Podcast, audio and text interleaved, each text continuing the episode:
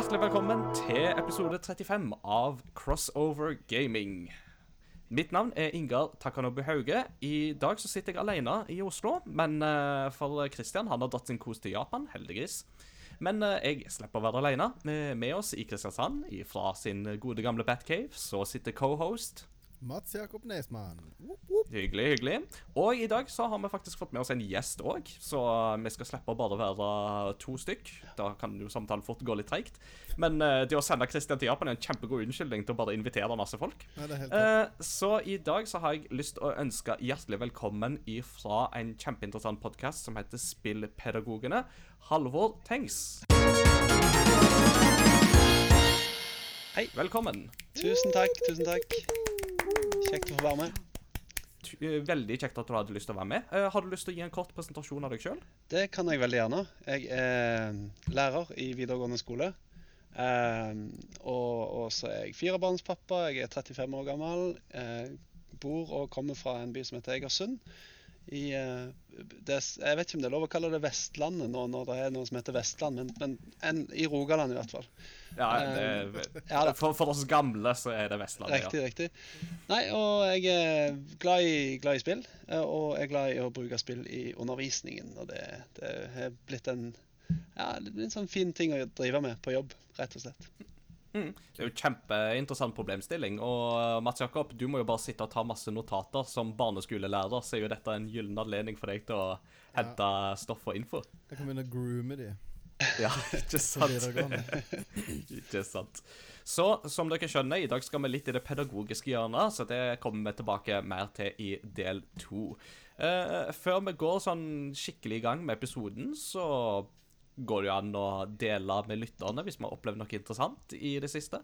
Jeg var på konsert i går med Baby Metal, et japansk kawaii metal-band med eh, Oi. japanske tenåringsjenter som uh, er utrolig dyktige på både show og uh, musikk. Så ja. Det Har, var tok du video? Uh, Nei, jeg, tar, jeg er ikke en sånn. Jeg tar ikke video på konsert. Oh. Det Det, her, det er nesten sånn proof or it didn't happen-statement. Men, Baby men metal. Kawaii baby metal, baby det er, baby metal er ordentlige mennesker. Det er ikke sånn hologrammer, liksom. Det er, Nei, dette er ordentlige greier. Altså, det er Altså Da de begynte, så var de veldig tidlig i tenårene, og så går de kledd i så skikkelig sånn svart goth-lolly-klær, og så synger de metal. Og, og, og altså det, det som er så gøy på en baby metal-konsert, er å studere demografien blant publikum. For der har du liksom alt ifra helt vanlige, relativt sånn å si, finkledde folk, du har unge tenåringsjenter, du har asiater, og du har skikkelige metalheads med liksom langt hår, eh, hålete bukser og dogger i vest med Iron Maiden-buttons. Eh, Det er helt rått. Så gøy. og alle bare, og alle bare storkoser seg. Så det er bare sånn helt uh, fantastisk opplevelse, egentlig. Uh, jeg hadde det òg veldig gøy sammen med min forlover, som var med på, på konserten. Um, for um, på veggen til høyre så hadde de da avdelinga for sanitet, i tilfelle noen uh, trengte litt hjelp. Og dette var teipa på en svart vegg med sånn rød gaffateip. Og den røde gaffateipen ser ut som sånne opp-ned-kors. Og det var da det slo meg at sanitet det er egentlig et veldig bra metal-navn. Så, så jeg og han vi har nok funnet ut konseptet med at vi skal danne bandet Sanitet, og debutalbumet skal hete Clean Metal. Ja, riktig. Så det blir liksom vårt uh, innslag til Eller vår konkurrent til Black Debatt. Eller Clean X. Mm. ja, altså, vi skal ha sanger som Antibac. Ja, ja. Sterilize the Needles. og Martins favoritt, Soap Opera. Å, jeg liker det. liker det. Så vi får se om eh, det blir på Crossover Gaming sin label eller ikke. Ja, vi må satse på det. Ja. Høres ut som vår pakke. Ja, ikke sant. Mm. Eh, dere, da? Har det vært noe interessant siden sist? Nei, altså, ikke så mye. Det er mye hverdag for tida. Det Ja. Ting surrer og går. Jeg, ja. ikke huske, jeg husker ikke hva som har skjedd de siste to ukene. Det er litt sånn- så mye hverdag at det er bare sånn Bæ. Sånn går du dagene. Ja. Ja. Can you relate, Halvor? Absolutt. Absolutt. Eh, det blir fort mye hverdag. Eh, Mm. Så, men ja. Men jeg kan gjerne fortelle om en liten ting, fordi jeg har hatt en veldig interessant dag i dag. Oh, Ja. Eh, har en eh, på, på jobben hos, hos meg så har vi hatt noe som heter Yrkesvalgdagen, som er en eh, stor, eh, en stor yrkesmesse. Den er vokst til å bli det jeg tror er den største i Rogaland. Um, ja, og der kommer det innom 1500 elever og en haug med lokale næringsliv og, og utdanningsinstitusjoner, litt sånn forskjellig. Og så fikk jeg lov å leke meg med et eh, rom for spill i dag. Fikk lov å sette opp et eh, klasserom med noen spillmaskiner. Fikk låne eh, noe VR-utstyr av en medspillpedagog som heter Odin Nøsen. Tusen takk, Odin. Satt opp, Odin! ja, Odin. Satt opp VR, satt opp uh, Keep Talking and Nobody Explodes på en stor skjerm, og litt sånn forskjellig. Det, det var skikkelig, skikkelig gøy. Og, eh, og fikk lov til å på en måte drive med, med litt spill i skolen, promotering, i en hel dag. Så det var en gøy dag på jobben, rett og slett. Tøft. Nice. Mm. Det er jo kjempekult. Jeg tror, det, jeg tror det nærmeste her har kommet noe lignende, var siste skoledag før jul, når vi skulle Jeg, jeg fikk ansvar for å sette på julefilm. Og jeg kun hadde DVD, og vi er så moderne skole at vi har ikke, det er jo ikke DVD-rom i noen av PC-ene. Så jeg måtte ha med meg en PlayStation 3 på jobb for å kunne spille DVD. Så det var liksom wasted opportunity. Jeg satt der med en PlayStation 3 på, eh, i det store auditoriet og så på Altså, eh, hjemme alene er jo ikke en eh, Det er jo ikke en skuffelse, det, men Nei, du kunne, du kunne jo satt på ting som Ready Player One eller Indie Game The Movie eller noe sånt, men uh. Ja, jeg tror ikke de ungene syntes det var like gøy. Det er ikke så veldig julete. Sant nok. Mm. Sant nok. Vi skal gå i gang med episoden, men før vi kommer så langt, så vil jeg bare ta en liten korreksjon fra forrige episode. Um, for siste episode så snakket vi jo litt om eh, spillmusikk, og Mats Jakob, du valgte jo det eminente Great Mighty Poo som et eh, eksempel som du ville eh, ha fram. Men uh, en observant lytter, nemlig Espen, Espen. Uh, påpekte at uh, vi, vi sa litt feil. Eh, og det, da må vi jo rette oss opp. For vi påsto at det var Grant Kirkhope som hadde komponert musikken, og det er det ikke. Uh, den æren skal Robin Beanland ha, og Chris Marlowe står for stemmen til The Great Mighty Poo. Så uh, vi har troa på å bekjenne våre synder og få tilgivelse, så da er det, har vi gjort det i denne omgang. Jeg, jeg tror rett og slett Espen bare korrigerte oss fordi han hadde lyst til å høre oss snakke om The Great Mighty Poo en gang til. Der har du det. Jeg tror nok det. La oss gå i gang. Vi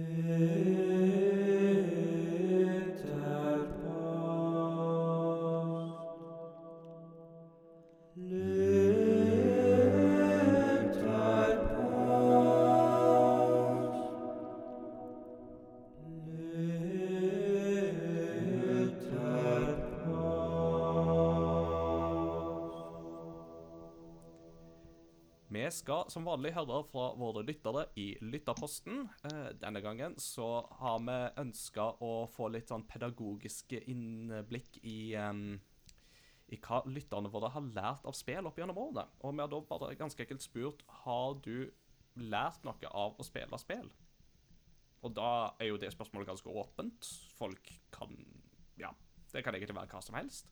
Eh, vi kan jo snakke litt fra våre egne erfaringer først. Uh, Halvor, har du noen tanker du vil dele fra egen erfaring? Ja, jeg syns det var så fint at dere har lytterpost. Det må jeg bare si først. For det var litt kult å kunne trekke inn folks perspektiver. Det var stilig. Eh, og så misforsto jeg jo først, så jeg trodde jo jeg skulle svare på dette sånn helt uh, sjøl. Så jeg har jo forberedt meg på det. Så det, jeg kan jo relativt uh, enkelt svare på, på spørsmålet, fordi jeg har sittet og jobba litt med det. Og jeg fant liksom to eksempler. da. Ett som er fra ja, ganske tidlig, og så ett som er relativt nylig. Eh, så det jeg lærte da jeg spilte Final Fantasy 7 på, for veldig lenge siden, det var rett og slett at det går liksom an å bli eh, følelsesmessig tilknytta til en spillfigur. Mm. Ikke sant? Vet ikke om dere husker Nei, dette, jeg vet ikke om dere husker det. Kanskje dere husker det, kanskje ikke. Mm. Men da Ja, og, for deg som, og for deg som ikke husker, så må vi ikke spoile remaken som kommer. Nei! Oi, vet du hva? Det er et trist øyeblikk i Final Fantasy 7 som bare er så trist. Og, og jeg skal ikke spoile det. det er, du har helt rett, selvfølgelig. Det kommer jo en remake. Det var bra du sa det. fordi jeg skal ikke si det. Men det er bare Du, du, føler en, du kjenner en følelsesmessig tilknytning til en spillfigur i Final Fantasy 7. Gjerne flere òg. som bare er så sterk. Og så Det var en sånn ting som jeg oppdaga, husker jeg. Og det sitter så igjen fra, rett og slett fra barndommen at, um, at det vil jeg ha med. Men kanskje et nyere eksempel, og et litt mindre farlig eksempel å spoile. Um, det er et uh, spill, og nå kommer det mange spill som på en måte er toucher innom det som man kaller for livsmestring og folkehelse, som, som ligger i skolen. da. Mm. uh, Spillutvikleren Nikki Case har laga et, uh, et halvtimes langt spill som heter 'Adventures with Anxiety', som handler om angstlidelser. Og så, og så har man på en måte Det har vært flere spill som har toucha innom sånne tema før. Men hun gjør det på en så utrolig kul måte, fordi at du spiller som angsten i det spillet der. Og da, da lærte jeg rett og slett eh, det å kunne få et innblikk i en angstlidelse uten at eh, verken spillet dømmer den angstlidelsen eller liksom glorifiserer den. Eh, tvert imot, eh, Det er på en måte en sånn helt sånn rå, et rått innblikk i, i angstlidelser på en så utrolig kul måte at da følte jeg lærte masse, rett og slett. Mm. Så det kan anbefale, kan anbefale det meste som Nikki Case holder på med. Som en Adventures with Anxiety er skikkelig, skikkelig bra. Så spennende. Kult. Det, det noterer jeg meg. altså. Det hørtes veldig veldig interessant ut. Hvor kan folk finne det spillet hvis de er interesserte? Nikki Case har man kan, Det letteste er egentlig bare å google Nikki Case, og så får du opp det hun gjør. Uh, de ligger gratis tilgjengelig, de kan spilles på i browser på nett, liksom. Eh, og, og det er bare å, å, å lete det opp, finne det fram. Så spennende. Eh, og så er det nedlastbart via type sånn Itchio og Jeg vet ikke om det er på Steam, men, eh, men ja. Det er lett å finne fram til. Ja, Kult. Da har folk et veldig bra tips. Eh, Ja. Mats Jakob, har du noen erfaringer du vil dele på det området? Um, ja, Uh, jeg har jo for det første gjennom det at uh, når, Iallfall når vi var yngre, så var det å spille var sykt nerd, for å mangle bedre ord. Mhm. eh, mange syns jo kanskje det fremdeles i dag, spesielt folk som er eldre enn oss. Men at det var liksom em, det, det, det at det var så nerd, har lært meg å på en måte like Å tørre å på en måte stå for noe jeg liker, da. Å si at jeg syns det er kult å spille, og meg og mine to beste kompiser på barneskolen Vi ble liksom stempla som, som de som spilte, da. 'Å, skal dere hjem og spille nå? Skal dere bare sitte og spille?' Altså, så er det sånn Ja, vi skal det, for vi syns det er gøy. Mm. uh, og, og det lærte meg liksom å s- For det første fortelle Være meg sjøl. Fortelle hva jeg liker, og stå for det. Og ikke være flau over at jeg liker noe som jeg syns er kult. Mm. Um, og så vokste jeg opp med 8-bit Nintendo, og det lærte meg å prøve på nytt. Ah, så bra. Ikke gi opp. For eh, jeg begynte å spille 8-bit Nintendo da jeg var to-tre år gammel. Fordi min Mm. søster har det. Og jeg, jeg, jeg Jeg kan ikke huske at jeg Det var ikke sånn her at jeg satt og prøvde og prøvde, og prøvde og så fikk jeg til første banen i Super Mario. Men bare Altså, det har vi jo nevnt før òg, men at den første banen i det første Super Mario Bros. er jo et, et, en genistrek av gamedesign. Mm. Eh, fordi at det er rett og slett Du lærer å spille spillet ved at du møter på en hindring, og så må du forstå hvordan du skal komme over hindringa. Mm. Og det opplevde jeg veldig som barn, men jeg kan ikke huske at det var sånn Yes, jeg klarte det. Den liksom Den euforiske opplevelsen du får i dag, da, når du har eksempel slått en kjempevanskelig Mario Maker-bane, eller Jeg har ikke spilt Celeste, men jeg ser for meg at det å, å, å runde Celeste må være en eh, ekstremt tilfredsstillende greie, da. Og sist jeg opplevde det, var når jeg spilte The Way, hvor det er litt sånn Amiga-style eh, platformer med litt sånn klunkete styring, men liksom når du først eh, klarer det, så er det så utrolig deilig, da. Og Absolutt. ja, jeg, jeg tror på en måte um, Jeg er ikke så gira på Souls-spillerne, men, uh, men jeg setter veldig pris på at det lærer på en måte en ny generasjon at det ikke bare liksom gir opp. Mm. Um, for det er utrolig viktig sånn for livsmestring òg, da. Eller sånn Mm. som du snakka om, Halvor. Ja, men kan jeg stille et sånn, litt sånn gubbete spørsmål? Mm. Eller, ja. Syns du Mats Jakob, at spill i dag har blitt for enkle? Fordi at, ja, sånn generelt? Ja um, Noen ting er blitt det. Um, men så er hele pakka med spill blitt mer komplisert. Så skjønner du hva jeg Ja. mener? Ja, Da du var liten, så putta du i spillet, og så var det push start to play, og så var du i gang. men nå er det jo, kan du jo få opp til flere timer med introduksjon og Så der syns jeg at spillet er litt lette. Og, og um, du snakka om Indie Game The Movie i stad, Ingar, og der sier Mm. jo han eh, Han skaperen av Fez, han sier jo det Philfish. Ja, han er jo, sier jo i en eller annen sånn paneldebatt, et eller annet pressekonferanse Jeg husker ikke hva settinga er, men han eh, Og det er en del eh, asiatere der, og han sier jo liksom at eh, han syns at Japanese game design er blitt liksom Det er blitt for soft. Det er for Mm. mye handholding. Eh, og de blir jo ekte, de blir fornærma på ekte, for han er jo en ganske krass fyr. Eh, men, men han har et poeng, da. Mm. Jeg syns Eh. at det er eh, Og han, det han sier som er så krast, er at han, han mener jo at eh, eh, publik, De på en måte Spilldesigneren tar det tenk, Han opplever at spilldesigneren tenker at spillerne er dumme. At ikke de kommer til å skjønne ting på egen hånd. At de må bli fortalt alt. Eh, hvis jeg husker det helt riktig, Ingar. Eh, det er jo faktisk eh, Han var jo ikke den eneste som sa det på akkurat det tidspunktet, for det var jo rundt forrige tiårsskifte, og da var jo KG Inafune eh, Mm. en av hovedmennene bak Megamann-serien, og som jo gikk videre til Kickstarter og ga, skapte en Mighty Number Nine. Men han òg sa jo det at japanere lager forferdelige spill. Ja. På det tidspunktet. Det var en av de første kronikkene jeg faktisk skrev i Game Rector, husker jeg, var at jeg tok for meg den uttalelsen. Mm. Eh, For det er krast, men også Det er jo ikke feil. Så det er liksom det som eh, på en måte var litt sånn vrient med det. da Men eh, ja, jeg syns både ja og nei. Noen Mm. ting er blitt eh, litt Du blir litt eh, dulla med. Pakka litt inn i bobleplast. Og eh, noen ting er mer komplisert. Sånn at på visse ting så forventer man en mer forkunnskap Ja. i forhold til Ja, men, bare menyer og det å At man tar det for gitt at, at man forstår uh, Iallfall i tredjeperson, da. Som jeg snakka om før med sønnen min som begynte å spille Mario. At eh, At eh, at, at jeg tar det for gitt Eller jeg, jeg på en måte Nå stotrer jeg veldig her, men eh, eh, at det er et kamera som filmer, og du kan flytte på det kameraet. At du har på en måte en ting til du styrer. Du styrer ikke bare Mario, men du styrer også det kameraet som filmer Mario. Og det er ikke en ting som eh, nødvendigvis er intuitivt. Eh, som ofte blir tatt for gitt at man bare kan, hvis du skjønner hva jeg mener. Eh, en liten avsporing der, men eh, Ja. det var egentlig en veldig gøy avsporing. Så uh, Jeg for min del kan jo bare liksom slenge inn litt sånn Altså, dette med på en måte Jeg kjenner meg veldig igjen i begge deres uttalelser, så pluss én på begge de, Mm. vil jeg si. Eh, jeg vil òg legge til liksom at eh, Altså, språkkunnskaper er jo selvsagt et sånt given. eh, både for min del både japansk og engelsk har vært veldig nyttig eh, med spill. eh, Mm. Og terper på de språkkunnskapene som jeg har der.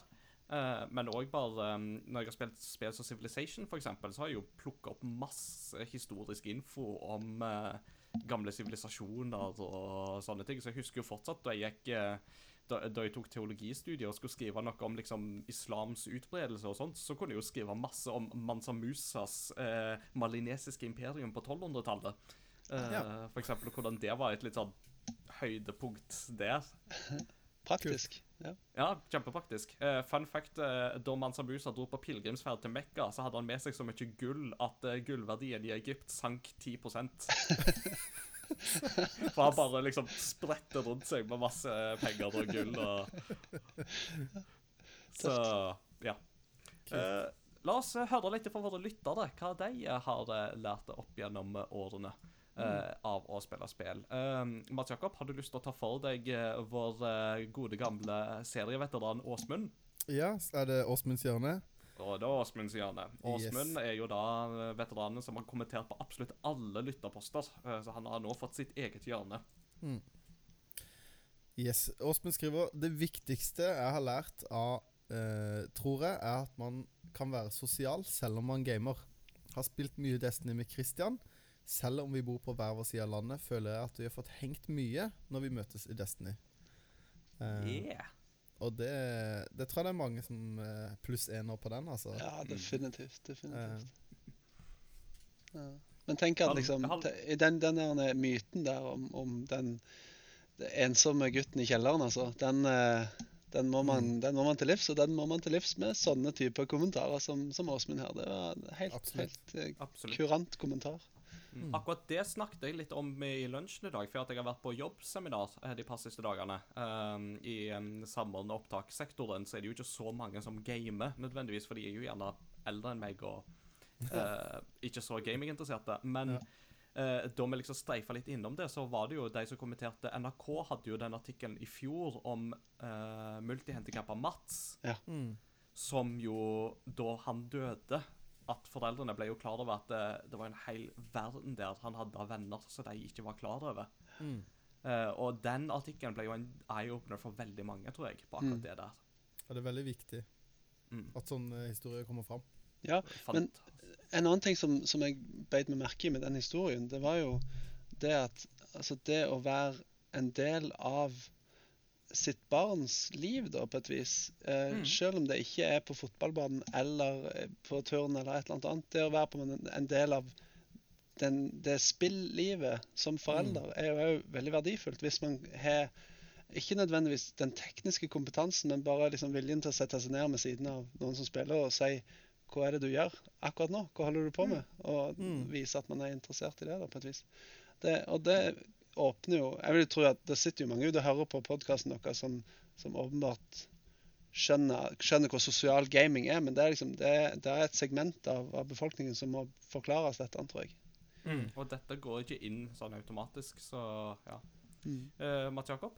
Nei, akkurat der så er det uh, han, Det er en skuespiller som heter Terry Cruise, som er en eh, Han er jo kjent for eh, mange forskjellige roller, men han er blant Nei, annet Nei, nei! Å, nei, nei. Kom i han morgen. spiller Kom i blant morgen. annet uh, uh, Han spiller ikke Captain Hall, han spiller uh, Han spiller Terry i 99. Ja. Eh, og så eh, Han gikk ut offentlig. Virkelig, liksom. Det ble gjort reportasjer om han, for han sa det at Han sa det 'Jeg holdt på å miste sønnen min'. Ikke sånn at han holdt på å dø, men han mista helt relasjonen med sønnen sin. Mm. Og så fant han ut at eh, Og det syns jeg er så viktig at voksne, andre voksne hører òg, for han sa det Og det er, min, det er mitt ansvar å reconnecte. Det er ikke barnet mitt sitt ansvar å komme til meg, det er jeg som skal komme til barnet mitt. Eh, så han rett og slett kjøpte seg Satt sønnen min Jeg har lyst til å game. Kan du fortelle meg Kan vi kjøpe en PC sammen? Kan vi bygge PC? Kan du lære meg å spille? Så begynte han å game. Jeg tror han gamer League of Legends eller en eller annen sånn Moba. Wow. Og bare gikk steinhardt inn i det og har blitt en sånn der forkjemper for liksom Jeg kunne ingenting om spill, men jeg prøvde, og så er det gøy. Men i, i det minste, jeg har det gøy sammen med sønnen min, og nå har vi noe til felles. Nå er vi på en måte Nå har vi reconnecta, da. Eh, og jeg syns det var så sykt fint å, å, å se, da, at en Altså, han er jo ikke the top of the top i Hollywood, men han er en veldig, veldig kjent person, da. Ja, ja. Mm. Og så lite gamer som du ser for deg, for han er jo svær og bøs. Han er skikkelig biff. så det, det er veldig kult. Ja.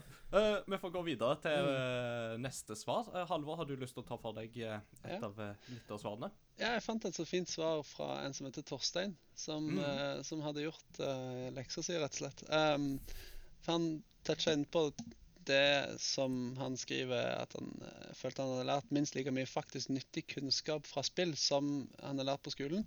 Jeg tillater meg å, å, å protestere bitte litt, men jeg, jeg er med på, med på the gist of it. For han skriver at han eh, har lært mye språk, eh, spesifikt engelsk. Mhm. Masse problemløsning, kritisk tenkning, fin motorikk, reaksjonstid. Ikke minst ved å spille MMO-er så har han fått eh, kunnskap om samfunn og økonomi, hvordan behandle folk i sitt miljø for å få gode relasjoner og oppnå mål som et lag. Det her er jo life skills, liksom. Ja. Um, markedsmekanismer. Og så avslutter han med en sånn fin ting, og det har jeg bare lyst til å lese opp. Men vest, mest viktig for meg har det vært det å oppleve hvor, tidlig hvordan det er å ha en stor lidenskap overfor en hobby, og ha en så sterk følelse av å ønske å oppnå mål og jobbe hardt. Fordi nettopp, ikke sant? Det, jeg har lyst til å nesten gi en liten applaus til det. altså. Det var rett og slett eh, ja? Eh, fordi det å, det å sette seg mål og jobbe for å nå disse målene, uh, er jo Det er jo ting man må gjøre hele veien. Og det er klart, det å lære det gjennom et spill, eller det å spille, da eh, Det er klart, det er ikke bare nyttig for, for livet rundt, men, men jeg tenker det, det viser at, at det er noe med spill som, som er virkelig verdifullt. da. Ja. Mm. Bra, bra svar, Torstein. Veldig bra. Og det, er- det er masse gode svar, folkens. Så selv om vi ikke leser de opp, så er det ikke det at de ikke er gode. Det er bare at vi begrenser litt hvor mange vi leser opp. Men gå gjerne på Facebook-sida vår og les gjennom svarene, dere som hører på. Mm, mm. Um, jeg vil lese opp en som jeg har fått på en, eh, personlig, eller på en PM fra Christian Alvsvåg. Eh, og han skriver at å, det er så masse han har lært. Eh, lærte å bruke PC ved å spille spill på 90-tallet. Det er jo noe alle kan, skriver han i parentes, men er ikke å kimse av allikevel. Uh, lærte å lese japansk fordi jeg ville spille Pokémon. Akkurat det var nok et vendepunkt i mitt mors syn på TV-spill, som hadde vært noe kjølig fram til det. Og til slutt vil jeg nevne Celeste. Der kommer det igjen. Celeste har et budskap om å akseptere egne feil og mangler. Et budskap som gjennomsyrer hele spillet, fra historie og musikk til gameplay. Etter å ha fått det hamret inn gjennom 40 timers intens spilling, må jeg kunne si at jeg lærte litt av det også. Litt. Fint. Ja, Veldig vakkert. så fint. Mm. Eh, Og Jakob, vil du ta neste? Yes, Arne Steinar har skrevet, skrevet eh, Age of Empires 2 og Age of Empires 2 Han bare skrevet Con. Jeg er ikke helt sikker hva det står for. Står det for Conquest? Conquest. Ja, det var det jeg trodde. Alle de forskjellige campaign-spillene der, med bl.a. El Cid, William Wallace, Attila the Hun osv. Mye god historisk fakta der. Mhm. Det Jeg, jeg, jeg syns det er kult, det, når det blir sånn du, du faktisk lærer At det er som en sånn bi, eh, ikke, ikke, bieffekt av det at du spiller, at du faktisk lærer noe litt sånn ufrivillig også.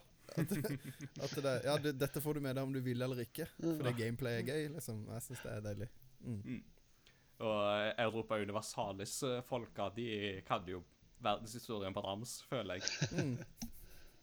Uh, har du en til du vil ta, Halvor, eller skal jeg ta min eh, neste? Nei, ta du din. Det går fint. Ja, da, mm, da kan jeg òg nevne en som jeg syns var litt interessant, og det er fra Jens Daniel Vinvall. Nei, Vinvann. Eh, Han har skrevet har lært mye ekte og slash eller falsk historie fra Assassin's Creed. Umulig å vite hva som faktisk er historisk, og hva som bare er fjas, så jeg vegrer meg for å bruke kunnskapen i hermetegn. Eh, og det syns jeg egentlig var et kjempeinteressant svar, fordi at det For meg så har jo det alltid vært en litt sånn ting med Assassin's Creed-serien. Nettopp det med at uh, de, på den ene sida så legger de jo veldig fokus på mye historisk research i det de gjør. Eh, jeg husker jo fortsatt da, da jeg gikk, var i Jerusalem første gang, så var det bare sånn Jeg kjente meg igjen i gamlebyen. Og det var jo fordi jeg hadde gått der før, bare i rollen som Altair. Mm. Ja. Uh, og det er jo mange folk som har hatt den opplevelsen. En av våre trofaste lyttere, Peter, har jo gjort det samme med Roma og uh, Assassin's Creed Brotherhood. Eh, og samtidig, på den andre sida, så er det jo òg litt dette her med at en del setting og folk og, som man møter på, er jo ekte, men så er det jo den der blandingen med ekte historie og fiksjon Mm. som jo da på en måte, Hvor er det den grensa går? Den er ikke alltid så lett for menigmannen å vite sånn helt ut videre. Eh, og resultatet er jo da at enten så må du faktisk lese deg opp på historie, eller så må du bare tenke at alt dette er fiksjon. Men er ikke det litt fint da? Er ikke det litt fint at man, man kan ta utgangspunkt i historien i et spill, og så kan man gå videre derfra til å faktisk lese seg opp, og, og ikke minst bli motivert til å lese seg opp på, på, på det som er den, den eh, ja, mer sånn faktuelle beskrivelsen av det som har skjedd. Mm, mm. Og, og det, det gir jo et slags insentiv for å gå videre og, og fordype seg i noe som er interessant. Ja, eh, og, eh, og det er kjempebra hvis du gjør det, men fallgruva er jo at man ikke gjør det. Man ja. ja. må tenke at dette er på en måte helt ren historie. Ja. Det er jo sånn Det er jo veldig fort gjort at populærkultur kan på en måte ha den effekten, enten det heter Da Vinci-koden eller Ja. kan, Ikke sant? Så, National Treasure. eller National Treasure. Men, men samtidig, det skal ikke være tvil om at Assassin's Creeds crew i Ubisoft gjør en del arbeid, eh, og det viste de jo med Assassin's Creed Origins. Eh, for det er jo det som er satt i Egypt. Og det som var greia, var at på den tid så var det i forhold til en av pyramidene eh, noen teorier om at det her kunne det være flere gravkamre. Eh, og da var det en litt sånn mer populær teori som sa at nei, det, det er ikke det. Og så var det en annen teori som sa at det, ah, omtrent litt der vil vi anta at det fins et ekstra gravkammer vi ikke har oppdaga ennå. Eh, Og så viser det seg at den mindre populære teorien, den hadde rett. Men da det ble oppdaga, så sa Ubisoft at ja, men det trenger vi ikke patche inn, for det ligger allerede der i spillet. For vi har basert oss på den teorien. Eh, og allerede koda det gravkammeret inn basert på hvor de antok at det sannsynligvis er. Yes. Festlig. Ja. Så absolutt en sånn dobbel effekt der. Så Assassin's Creed kan være et eh, tvega sverd på det området. Men uh, for, uh, det kan absolutt være med på å inspirere til å sette seg mer inn i tingene. Og da har det jo en kjempebra effekt. Mm. Veldig mange gode svar fra lytterne der. Eh, Så som sagt, sjekk gjerne ut eh, videre eh, på vår Facebook-side. Bare gå på Facebook og søk opp Crossover Gaming, og så kan du lese svarene der.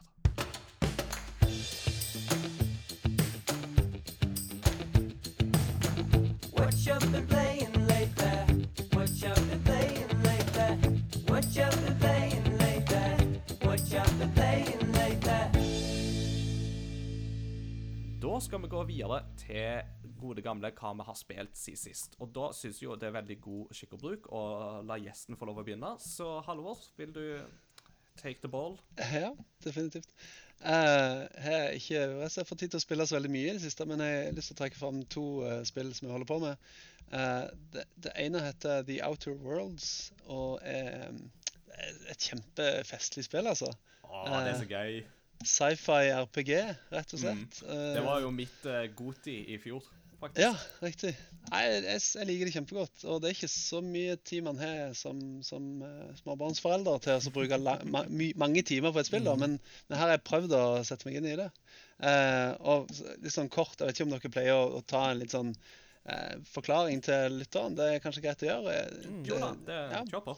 Du spiller, spiller i en sånn romkoloni, Halcyon, der, eh, der du eh, Det fins en eh, Ja, det finnes mye politikk der, for å si det sånn. Man må rundt og, og snakke mulige fraksjoner og, og, og, skaffe seg eh, kredibilitet rundt forbi. Og så, og så finnes det en rammefortelling om, eh, om litt maktmisbruk og litt en, en romkoloni som kanskje ikke går så bra, egentlig.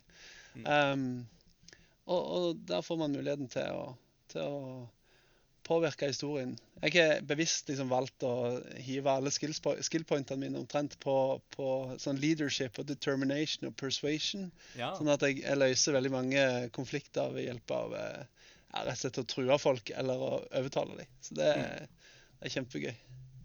Skikkelig stas. Um, ja. Det var det ene. Og så har jeg spilt litt uh, Goat Simulator, rett og slett.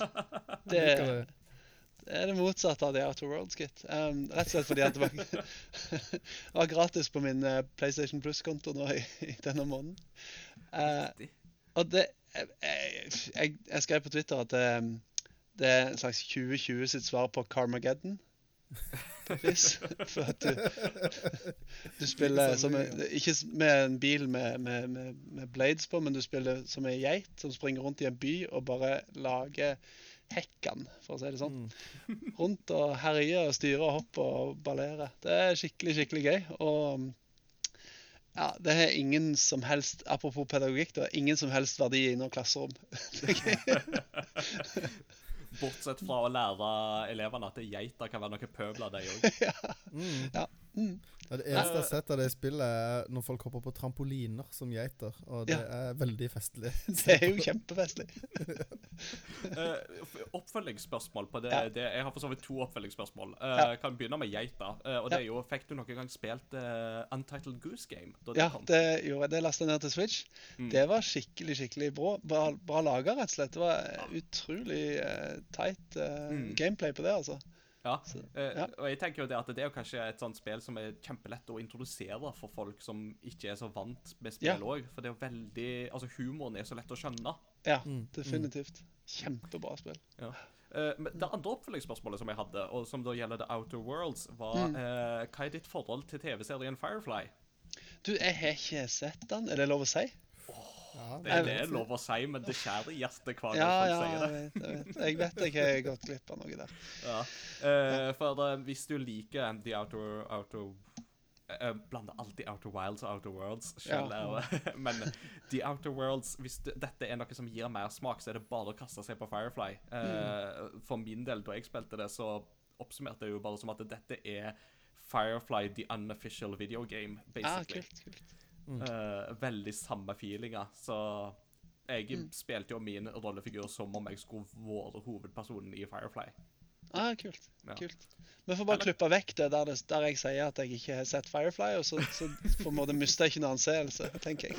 Nei, nei, nei, det, det er veldig lov. Jeg har allerede hatt den samtalen med andre både i dag og tidligere. Så, og det, og det, det, det er viktig å få informert for folk om at de må se Firefly. Selv Ja. det er tatt ned fra Netflix nå, så kjøp det på Blu-ray. Mottatt. Ja. Veldig gøy. Uh, Mats Jakob? Mm. Uh, jeg har bare fått spilt uh, ett spill siden sist. Jeg har hatt én session med spilling. Og da fant jeg ut at eh, eh, jeg ville spille Nintendo 64. Så jeg satte meg ned, plukka ut en stabel på ti spill, tenkte nå har jeg masse timer. Så endte jeg opp med å bare spille ett. For det er fyrt opp et spill som jeg ikke hadde spilt før. Og det er alltid gøy å spille et spill Oppdage et spill på en gammel konsoll som er kjempegøy. Som du har aldri har prøvd før.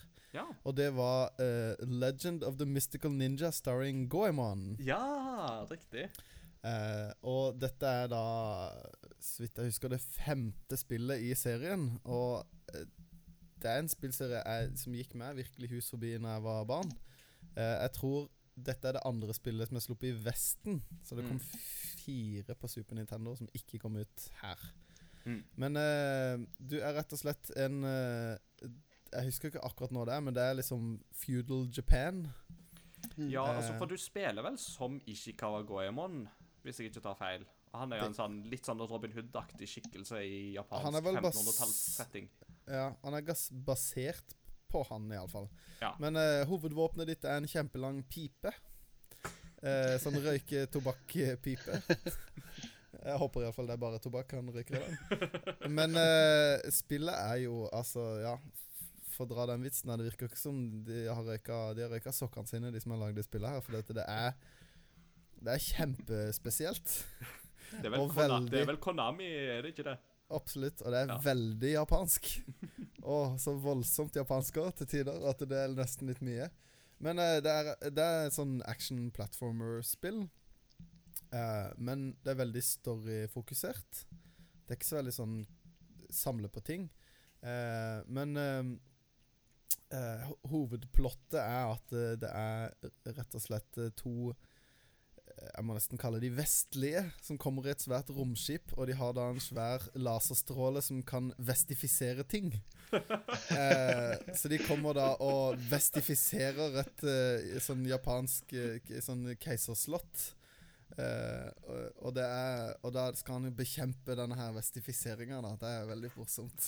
Så blir, slottet blir gjort om til European Castle, og de er bare Nei! European Castle! Uh, og det er mekkaer, og det er, det er liksom ikke måte på. Det spiller er helt på syre. Men det, det er kjempegøy, og du er liksom innom en del uh, ulike gameplay-stiler. B- siste Når jeg slutta å spille, så var det fordi jeg ikke klarte en sånn uh, mekka-boss.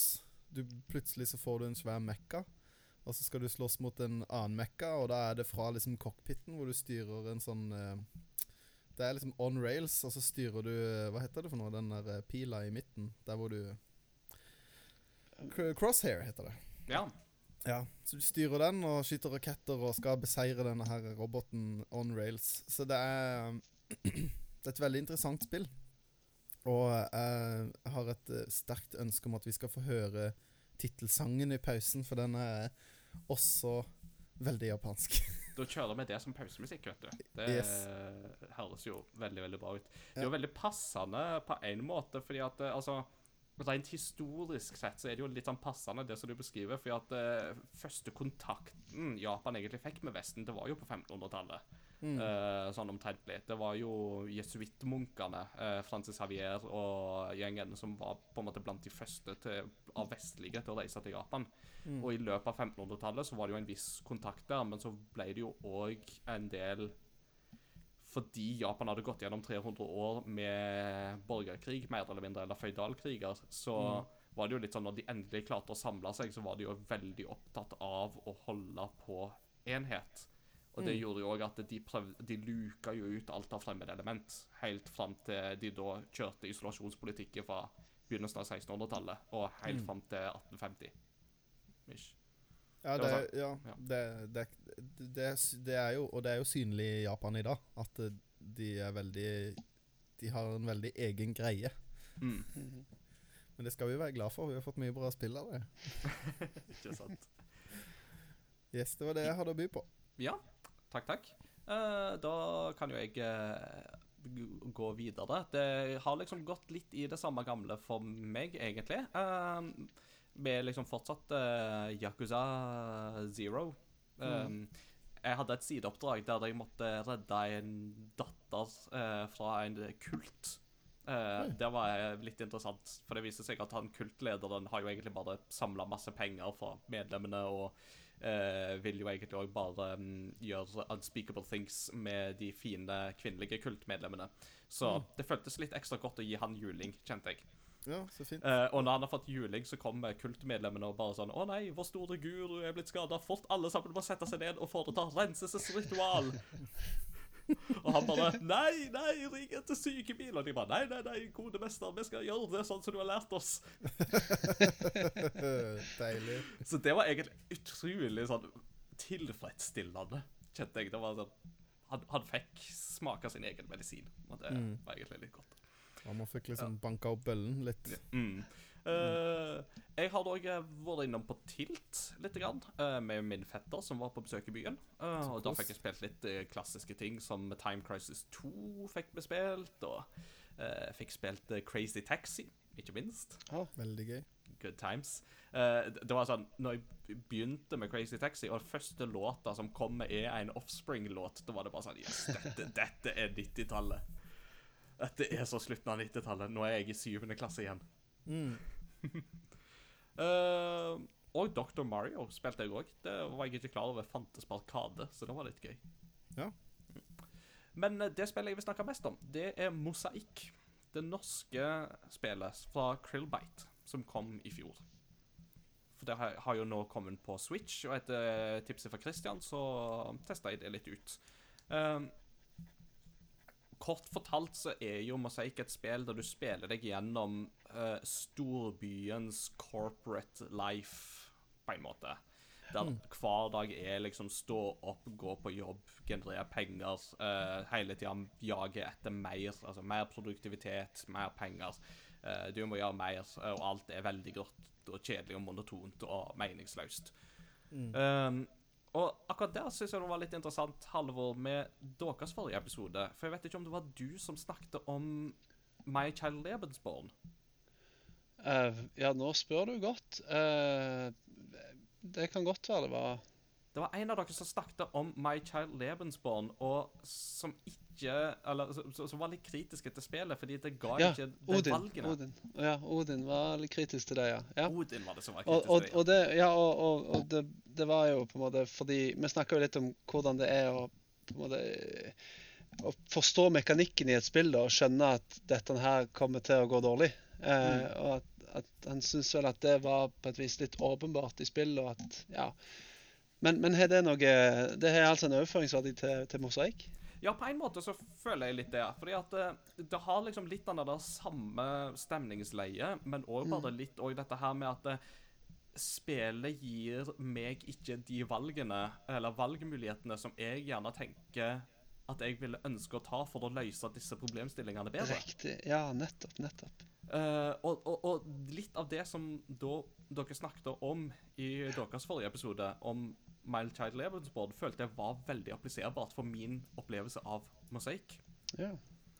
Uh, jeg, jeg vil jo òg si at det, det, er litt- det er jo litt sånn Når jeg spiller mosaikk, så får jeg òg litt sånne assosiasjoner til uh, Please Knock On My Door. Det er et Mhm. spill dere kjenner? Ja. Ja. Uh, for det òg er jo et sånt spill som handler liksom litt om det Men der er det jo mer på en måte den Når angsten tar litt overhånd, og at man rett og slett på en måte mister litt motivasjonen for på en måte alt i livet, egentlig. Uh, men det er litt appliserbare ting her inn imot mosaikk. Uh, og når alt skal sies, så syns jeg at Please Knock On My Door var en mye mer interessant take på den problemstillinga enn det Mosaikk kanskje var. Mosaikk er veldig estetisk fint og veldig kunstnerisk anlagt, og sånt, men det er, det er likevel noe som mangler litt der, føler jeg. Og det er jo litt synd å si det, for eh, jeg vet jo at dette er jo på en måte litt spillskaperens egne opplevelser av å flytte til storbyen, som på en måte gjenspeiler seg litt i mosaikk. Ja. Eh, så det er jo en litt sånn personlig fortelling, dette her. Og samtidig, som spill, så følte jeg kanskje at jeg som spiller fikk en mye mer på Jeg satt igjen med en mye mer sterkere følelse etter Please Knock On My Door enn det jeg gjorde etter Mosaic. ja. Det skal òg nevnes at um, Switch-versjonen er ikke veldig bra optimalisert. Uh, den, det, det hakker og stotrer veldig i bilde og kontroller. Så jeg tror kanskje at hvis du kan spille det på en Apple-enhet, så er det kanskje det beste.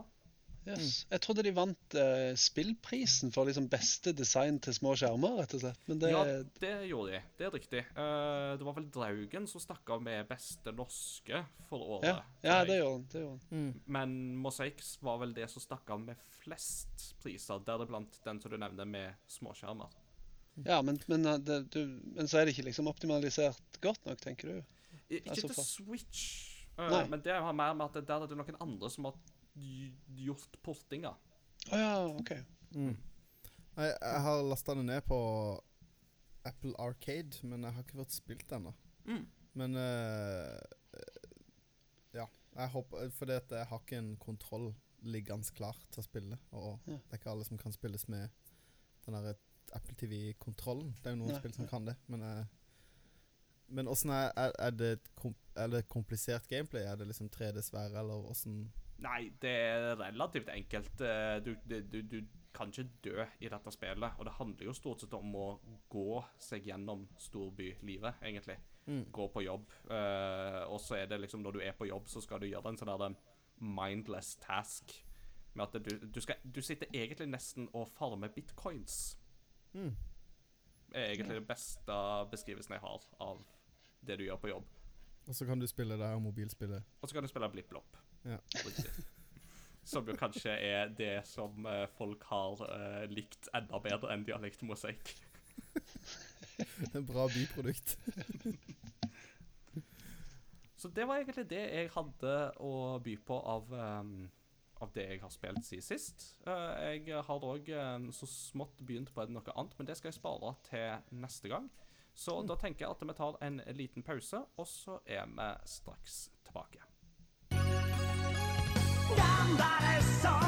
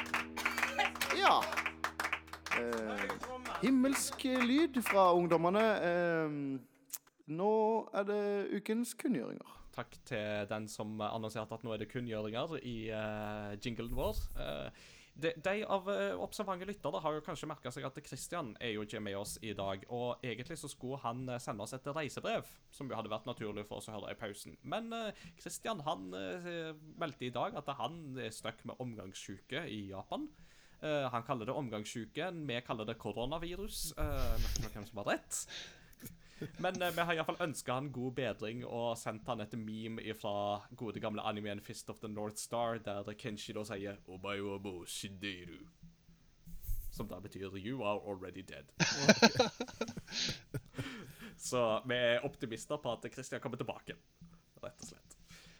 Vi skal eh, derimot ta for oss eh, litt eh, faktiske kunngjøringer òg. Litt småting som skjer i spillebransjen som er gøy å snakke litt om. Um, Warcraft 3 Reforged har jo kommet ut. Det var jo noe som mange hadde store forventninger til, men det viser seg at Blizzard har virkelig ikke klart å lage et produkt her som folk er fornøyde med. Eh, det er lite av de oppdateringene som var blitt lova. Det er problemer med eh, community created eh, material, som i praksis Der Blizzard sier at i praksis, hvis du lager noe kult, så eier vi det. Men Og alt dette har jo da resultert i at Warcraft 3 Reforged har fått en rekord. Det er det spillet med lavest brukerpoengsum på Metacritic ever. Det er jo helt sinnssykt. Så hvem skulle trodd det? Ja, hvem skulle tro at et Blizzard-spill med verdens krasseste publikum får Nei, nei Ja, det men er det, er det ikke classic-gameren her som er Ikke for å kalle det problemet, men i hvert fall Det er liksom Man vil ha det gamle. Er det ikke det som er gjennomgangstonen? Ja. Og, og det er jo et problem her, for den versjonen her er jo blitt default. Så hvis du har kjøpt den gamle versjonen Altså hvis du har kjøpt Warcraft 3 på Steam f.eks., så har nå eh, Og du skal laste det ned på nytt, så får du ikke tak i en eldre versjon. Da er det den bilden her du får by default. på en måte Ja, Du får ikke kjøpt en gammel versjon. Mm. Og, og, da skjønner jeg at folk blir sure. Når du på en Ja. måte lager en dårligere versjon, og så kan du ikke velge noe annet. Mm. Og det er jo særlig det med custom created eh, material som jo skaper mest problem her, fordi det miljøet er jo fortsatt ganske stort. Mm. Så det er litt forståelig, er det. Men uh, Blizzard har lova pengene tilbake til de som vil ha det, og for de som fortsatt vil holde det gående, så sier de at uh, vi skal jobbe med det. Men uh, dette er jo ganske langt ifra det selskapet som på et tidspunkt var liksom mm, Vi gir det ikke ut før det er ferdig, og det er ferdig når det er ferdig. Mm. Så det er litt interessant. Eh, videre, uh, en ganske stor nyhet som popper opp i dag, vi spiller inn på en onsdag, er at Dan Houser forlater nå Rockstar etter 21 år i studioet. Eh, og det er jo en mann som har en ganske saftig CV med både GTA og Red Dead Redemption på altså, noe av det han har vært med på å lage. Mm. Så det er hva han skal til med nå, det vet en jo ikke. Og det blir jo spennende å se om eh, det får noe effekt for Rockstar framover. Mm. Eh, det, vi kan også nevne at EA har eh, publisert litt tall om hvor mye penger de faktisk tjener på mikrotransaksjoner. Og for de som lurer på hvorfor EA virkelig vil ha de alle spillene sine, så er det fordi at de tjente i fjor 2,8 milliarder dollar på mikrotransaksjoner. Sykt. 2,8 milliarder dollar. Smak på det tallet. 1 milliard ble inntjent i The Holiday Season. Så Det er så det- sykt. det er vilt. Og 1 milliard ble inntjent fra små barn der foreldrene ikke har satt eh, adekvate begrensninger på iPad-sikkerheten. Nei da. Nei, nei, OK. Det, det, det absolutt Det, det er nok ikke så langt fra sannheten. Det er jo det som er det verste.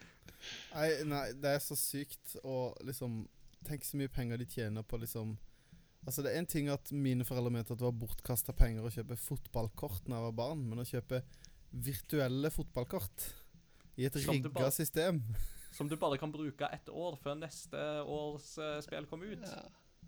Yes. Det er, Det er sjukt. Det er så sjukt.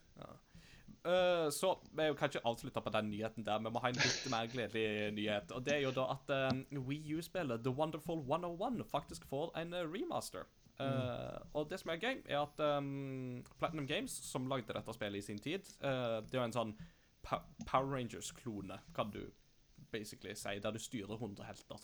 Um, veldig gøy. Jeg anmeldte det back in the day. Um, hadde sine feil, men det var litt gøy. Eh, remasteren eh, blir kickstarta fra eh, Platinum Games si side. Og det som er litt artig her, er at hvis du sponser spillet med 11 000 yen eller mer, så er en av perksene som man får, er da å bli blokka på Twitter av Hideki Kamiya. Og for å da gi litt kontekst her eh, Kamiya, som jo er en av hovedmennene bak eh, Bak Platinum Games, og som jo blant annet er skaperen av eh, eh, Bayonetta, eh, har jo en tendens for å krangle masse med folk på Twitter, og hvis folk eh, svarer han, så blir de blokka. Men nå kan du altså bli blokka av Kamiya uten å krangle med han. han kan, eh, men da må du sponse med 11 000 igjen, eller mer. Du kan betale for å bli blokka. Jeg lurer på om jeg kan tjene penger på sånn. Easy living.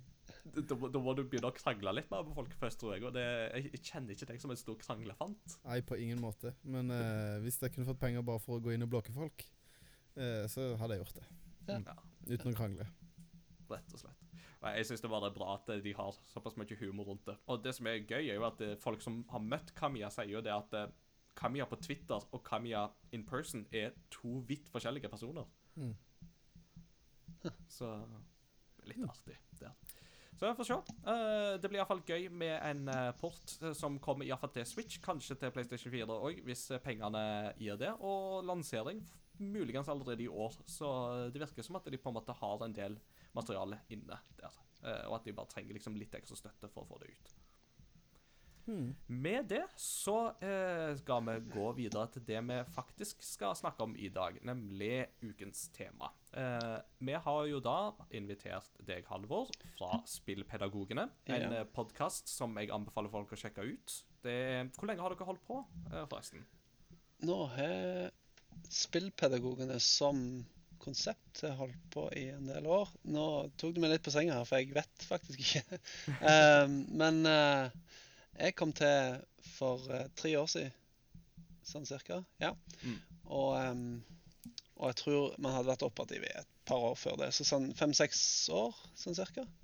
Ja. Uh, ja. Og, um, og det starta med, med to spillpedagoger fra Nordahl Grieg videregående skole i Bergen. Uh, Tobias Ståby og Alexander Husøy. Som er noen av de få lærerne i, i Norge som kan skilte med å ha det på, på, um, som stillingsbeskrivelse. Da. De, er, de, de er rett og slett spillpedagoger som en del av jobben sin. Mm, de har jo vært pionerer på det området der. De har jo blitt skrevet om i Absolutt. media. De har gjort utrolig mye tøft. Veldig veldig flinke folk. Eh, Tobias er i gang med en doktorgrad nå om hvordan lykkes med spill i skolen. Og Alexander holder på med masse spennende prosjekter. Så det, Kult. de har rett og slett bana litt vei for spillpedagogikk i, eh, i, i Norge. Mm. Kjempespennende. Ja. Uh, jeg, jeg har liksom prøvd å knekke om det er noe på en måte system i hvor ofte dere gir ut episode, men eh, er det litt mer på en måte sånn dere tar det så det kommer, eller er det faste dager der dere gir ut episoden? Å nei. Nei, på ingen, Nei. ingen som helst måte. Det, vi, vi gir ut en episode når noen blir så lei av å vente at de skriver på Facebook-gruppa vår Hei, skal vi ikke snart gi ut en episode? Ja. Det er Eh, systemet, det hele, og, og det vi opererer etter. Og det funker egentlig ganske greit. Um, Mm. ja. Og jeg syns det er kjempespennende å høre på dere, fordi at det, det der kryssfeltet mellom spill og pedagogikk er absolutt et kjempespennende tema. Og så går dere ikke av veien for å faktisk på en måte ta diskusjonen på en måte på et litt høyere nivå. Eh, dere trenger liksom ikke å forholde dere helt basic, men dere slenger ut begreper som ludonarrativ dissonans og sånt, Mm. som uten å på en måte forklare noe mer hva det er. Så Ja, det er klart det kan Det, er jo lett for å bli litt teoritungt, det kan jo det. Og det er ikke akkurat en, en podkast som, som frir til, til alle hele veien. Men det har vi det, det tenker jeg at det får folk leve litt med. Og så beveger vi oss derifra til å ja, til, til å snakke om det helt hverdagslige og det som er, er inn i klasserommet og, og sammen med elevene på et, på et veldig sånn lavt nivå òg, på et vis. Det, Ja. det kan funke bra, det. altså. Mm. Så la oss da på en måte, Nå er vi allerede litt i gang med på en måte presentasjonen av spillpedagogene. Men hva er på en måte deres visjon? Hva er formålet for Ja. spillpedagogene? Spillpedagogenes why. Ja. Uh, ja. Nei, vi, vi- vi har jo et, en, en idé da om at spill har sin rettmessige plass i skolen. Um, og så prøver vi å snakke om spill på en måte som, som kan legitimere bruk av spill uten at det bare skal handle om underholdning. Ikke sant? At det, det, fordi at debatten om spill har en litt sånn lei tendens og sp- nei, jeg mener, Spill i skolen da, har en litt sånn lei tendens til å, til å bli en debatt som er enten sånn for eller mot. Og, og hvis man er for, så legger man gjerne vekt på at ja, det er motiverende, og det er, liksom, det er, bra, det, det er bra for gutter som gamer, og det er underholdende og sånt. Og så prøver vi å kanskje bringe til torgs en litt mer sånn nyansert formidling av hvorfor vi skal drive med spill i skolen. da. Um, og, og vi prøver å f.eks. snakke om at spill er et kulturuttrykk på lik linje med, med, med bøker og med film. Og nå har vi fått litt drahjelp fra regjeringen, som lanserte en spillmelding i fjor. Og ikke minst det at det er kommet inn i læreplanen i engelsk nå på videregående skole, at eleven elevene skal spille. Sånn at vi, vi prøver på et vis å, å, å lage et faglig fundament for, eh, for hvorfor man skal drive med spill. Eh, som går litt utover den litt sånn enkle ja, nå skal vi spille Fortnite fordi det er gøy i klassen, og det gir et avbrekk fra alt, det andre. Liksom. Ja. Det, er- det er klart at som lærere så har dere jo en visjon om å faktisk lære elevene deres noe. Ja, altså, og, og vi, vi prøver å, å, å knytte ting til det, de faktiske kompetansemålene i skolen og det som elevene skal lære. Og så kan vi si at dette spillet her, det har en funksjon. Ikke nødvendigvis hele spillet, men kanskje litt av spillet kan fungere som, som en måte å tilnærme seg en, et spesifikt tema eller et spesifikt læringsmål i skolen. da. Eh, Der har jo Tobias f.eks. gjort et, eh, et pionerarbeid med å bruke spillet The Walking Dead i religionsundervisningen. Mm. Eh, ikke sant? For å lære elever om etikk. Og det, det er klart det, Sånne ting er eh, det, ja, Kanskje ikke så veldig kontroversielle lenger, fordi det er blitt, det er blitt mer og mer stuereint. Men, men det er fortsatt vanskelig å overbevise den liksom store mengden lærere om at dette er en fryktelig god idé. da. Så vi har vel en tanke om at podkasten fortsatt trengs. Absolutt. Ja, men Jakob. Jeg bare lurte på eh, Tror du at eh, noen gang kom, noen kommer til å begynne å lage spill som er ku, ikke kun, men som er på en måte hoved... Litt som en lærebok, da. At det, du sitter ikke, det er bare lærere som sitter og leser lærebok på ettermiddagen eh, på, eh, på fritida. Men tror du noen kommer til å lage spill Å ja, nå skal vi lage et spill til dette temaet. Litt utover Ja, det fins jo, det, det, det jo i dag. jeg. Det finnes jo læringsspill da, som, som spesifikt knytter seg til konkrete tema i et fag, eller til ja, tematikk, da. Og som, som, som vi kanskje har et litt sånn anstrengt forhold til. Rett og slett fordi at læringsspill er jevnt over fryktelig dårlig, da. Ja, ja og det var, det var på en måte litt det jeg mente. At, jeg trodde det kommer noe som er på en måte mer spill sånn som, sånn som Walking Dead. da At Ja, noen sånn, hadde lagd eh, Ja, nå kommer jo det her fryktelige Jesus-spillet. I am spiller- Jesus Christ. Ja, ja, ja. Men liksom, si for deg at du skal ha om Ja, om eh, livet til Jesus, da, eller eh, Mm. Mohammeds uh, liv, eller sånne ting. At noen da At det blir en business å lage spill av skoletema. Mm. For, som om at en, som, som en lærebok, da, og ikke som en sånn Nå kan du Her er det gange Space Invaders, men du skal skyte gangestykker. Altså, Ja, ja. For det fins det jo nok av, og det Nettopp, er jo nettopp. mer motiverende for noen eh, i visse situasjoner, men det er jo ikke spesielt Det er jo ikke gode spill. Nei, det er ikke det. Og jeg vil gå så langt som å si at det er nesten ikke spill. Nei. Eh, fordi at det som man må jeg, jeg tror man må snu på det. Det blir aldri bra når man har som utgangspunkt at du skal lage et, et, eh, et kulturuttrykk, et, et, et kunstverk, egentlig. Mm. Og at du har som misjon at det skal, det skal ha en, en verdi utover det å, å være laga for at du har en slags kunstnerisk, kunstnerisk eh, idé om det. Altså, Med en gang du tenker at dette skal jeg bruke til altså, tenk, Du skal på en måte treffe skolesegmentet, da, så har du tapt, tenker jeg. Det blir, Jeg har til gode å se et spill som er veldig, veldig bra, og som treffer på den måten. da. Så det som en heller må gjøre, da, som en gjør med, med gode romaner, og som en gjør med gode filmer, det er å se har dette noen eh, eh, verdi i mitt klasserom i dette temaet som jeg skal jobbe med nå. Har- altså, jeg som lærer må på en måte vurdere hvert spill som et kulturuttrykk, og, og som, som en ja, vurdere det pedagogisk og didaktisk opp mot det jeg skal jobbe med. Og så, og så kan det være at det har et formål, da. Ta Ja.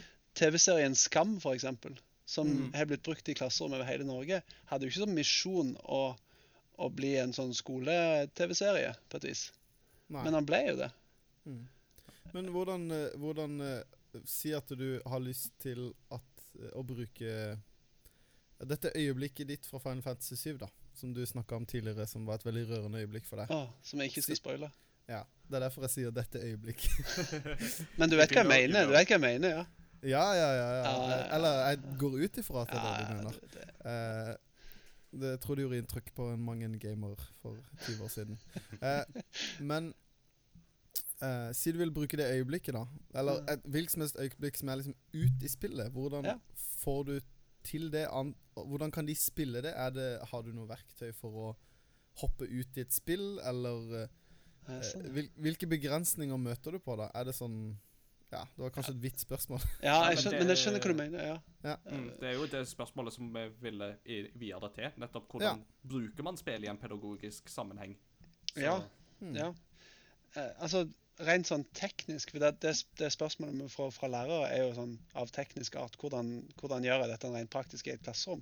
Mm. Men, men, eh, men hvis du tenker mer sånn eh, didaktisk, altså hvordan fletter jeg dette inn i et opplegg på et vis, Mm. så har jeg et eksempel på det. Eh, jeg spilte Jeg fant et lite, en liten indie-perle som heter Orchids to Dusk. ja. Eh, har dere vært borti det? Hørt om det? Eh, jeg har hørt om dere snakke om det. Ja.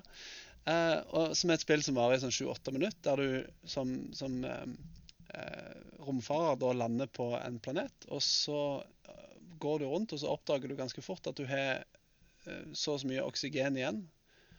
Og så prøver du å finne ut hvordan du kan fylle opp mer oksygen, og så finner du fort ut at det kan du ikke.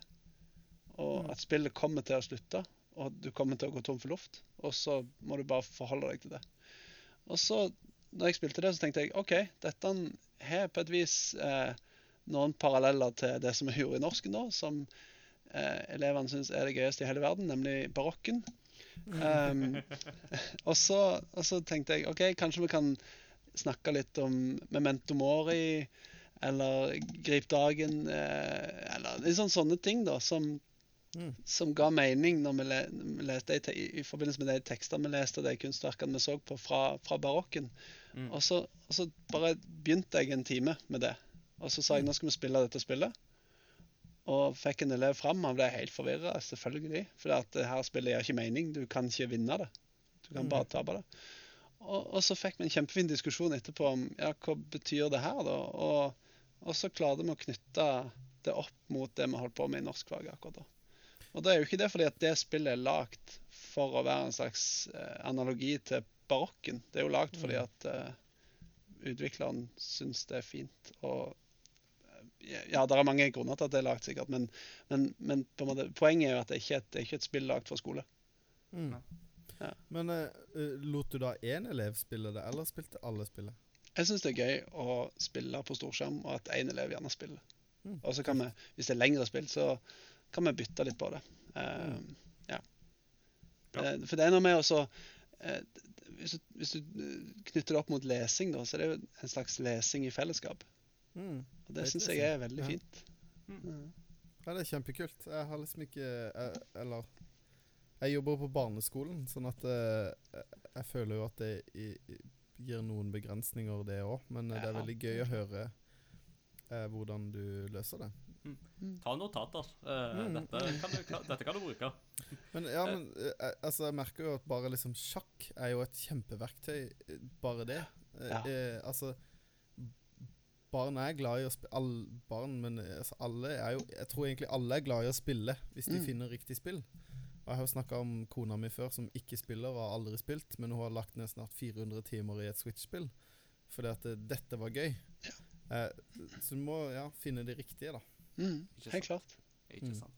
Um, hvis en ser på spill som pedagogisk verktøy, uh, hva fortrinn har spill sammenligna med da andre verktøy som bok eller film? Mm. Og nå, nå eh, blir det fort igjen litt teoritungt, men det får man tåle. Kjør på. kjør Ja, på. Det er derfor, det er derfor vi er her. For jeg er litt glad i å, å vise til Espen Aarseth, rett og slett. Eh, forsker, eh, litteraturforsker, Mhm. eh, som, som sier det at noen spill er av den typen som man kaller for ergodisk litteratur. Altså spill som krever investering Mm. for at man i det hele tatt skal uh, kunne lese dem. Altså, et spill er jo ofte laga sånn at, at hvis man ikke gjør noe i spillet, så går man ikke videre. Mm. Ja, du, du kommer ikke forbi første brett i Mario uten å bevege deg fysisk. Um, så det, det som han sier, at noen spill krever en type investering som er uh, der, der man ikke bare passivt kan følge historien, men man må aktivt delta. Man må aktivt investere seg sjøl, og gjerne også investere sin erfaringshorisont og, og tidligere opplevelser for å kunne eh, Ja, for i det hele tatt kunne forstå historien. Og han, han drar en sånn togmetafor der på at man, man som leser av en, en, en bok, f.eks., kan godt man kan, man kan følge med i boka som man sitter på toget da, og ser ut av vinduet. Eh, og Man kan eh, gå litt rundt i toget og sånn, kikke litt rundt her og der, men man kan liksom ikke bestemme hvor toget skal. For det går på skinner. Men som, men som spiller så kan man eh, så har man på en måte luksusen av å kunne si hva skjer nå hvis jeg gjør det her, da? Og så går man i en helt annen retning. Ikke sant? Ja. Og det er litt kult, for det gir en, en følelsesmessig involvering som, eh, som er helt annerledes enn den man får. Ikke nødvendigvis dårligere enn å lese en bok eller se en film, men den er annerledes i den forstand at man blir mer involvert, enten man vil eller ei. Har, det finnes et spill som heter Spent, som er et sånn nettleserspill. Mm. Uh, der, som, jeg, som jeg hadde oppe i dag, og elevene, nei, de elevene som kom innom i det rommet som jeg, jeg hadde oppe i dag, de, det var mange som syntes det var veldig interessant. For der spiller du som en fattig amerikaner som må leve på minstelønn. Og så skal du prøve å få pengene til å vare en måned. Og så er det, det er ikke noe annet enn tekst i dette spillet, men du må ta ulike valg. Skal du, Hvis ungen din skal på en fritidsaktivitet og det koster 50 dollar, skal du gjøre det, eller skal du ikke gjøre det? Og så er det, det, det, det er vondt å trykke på nei, du skal ikke gi ungen din 50 dollar til dette.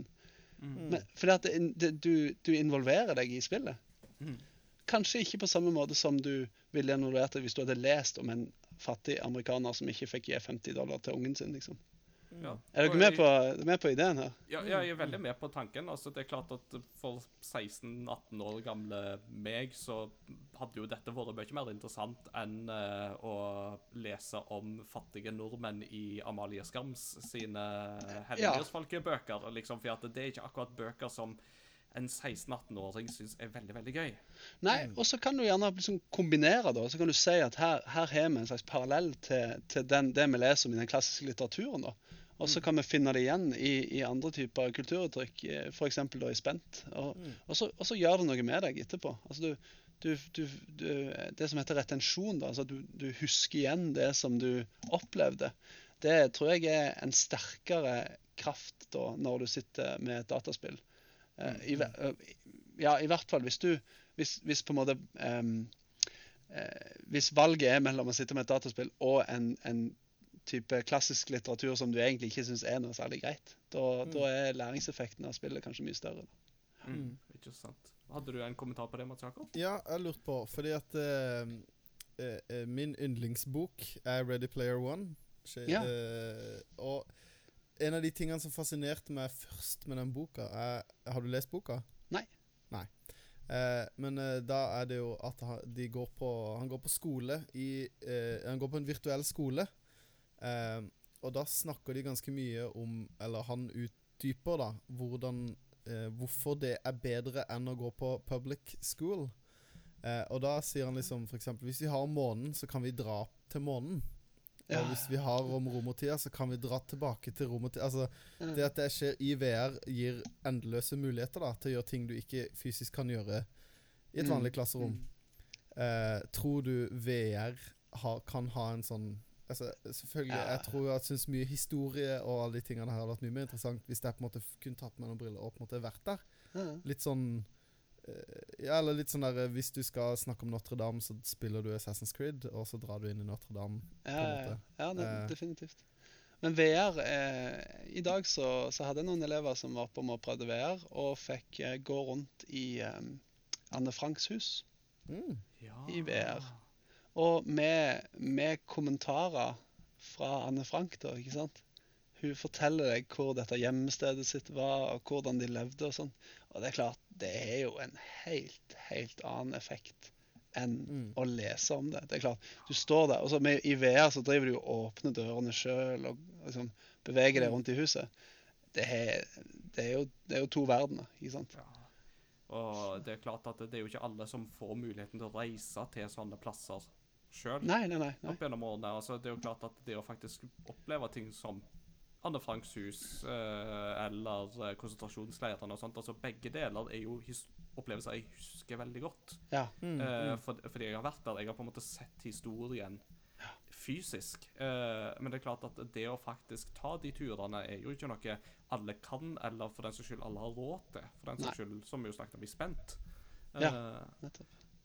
Ja, og det, det er klart at uh, man skal liksom ikke devaluere eh, altså verdien av å fysisk dra til et sted. Det er jo selvfølgelig kanskje det beste, men, eh, Mm. uh, men, men det, er, det er et veldig godt uh, substitutt da, for, å, for å dra. Og det er klart at, som du sier, Skole-Norge er ikke flust med, med budsjettpenger til ekskursjoner. altså Det er det ikke. Så, så dette kan funke bra. altså. Du får, dere får bare selge Skole-Norge på VR. At det er mye billigere enn å sende de med hvite busser til Auschwitz.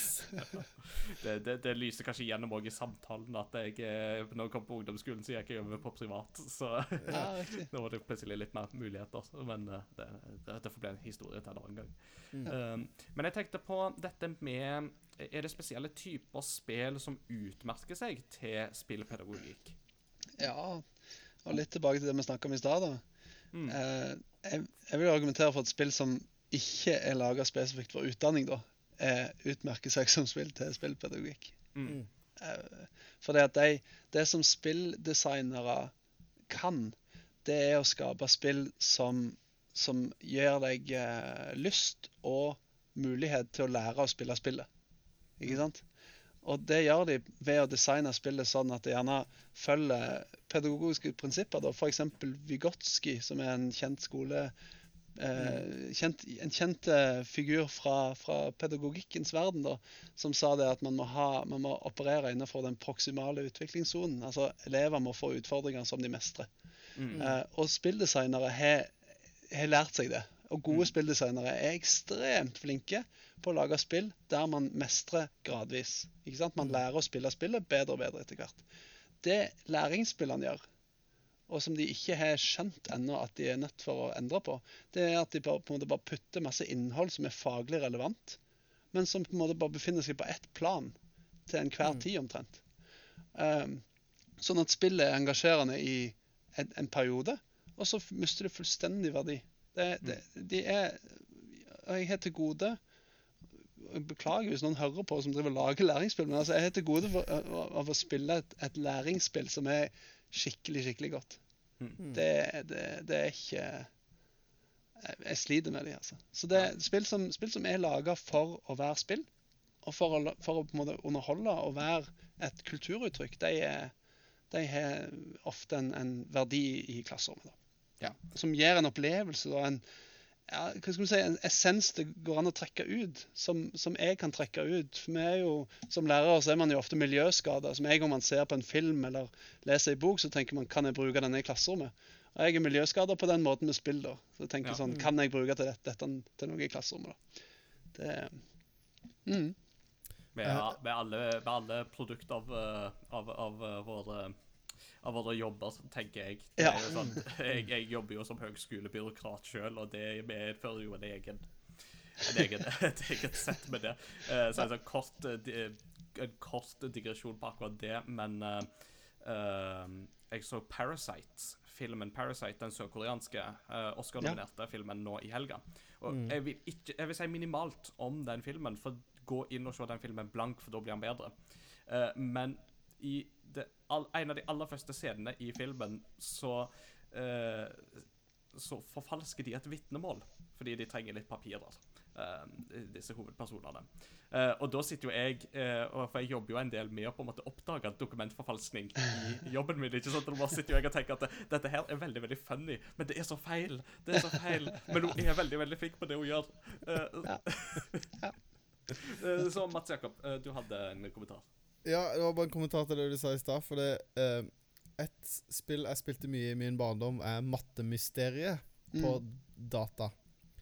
Og jeg uh, kan fremdeles ikke gange tabellen på rams, men det spillet har jeg spilt i timevis. Ja. Uh, ikke fordi at Altså, der, der spilte jeg på tross av de tingene du snakker om. Fordi at jeg beherska ikke matematikken, men jeg var så nysgjerrig på verdenen Ja, i dette ja, spillet. Jeg syns at eh, lokasjonene og karakterene var interessante. Ja. Mm. Så jeg satt og gjetta meg gjennom matematikken for å komme Ja. videre, sånn at eh, for å komme flere steder i et sånt hus.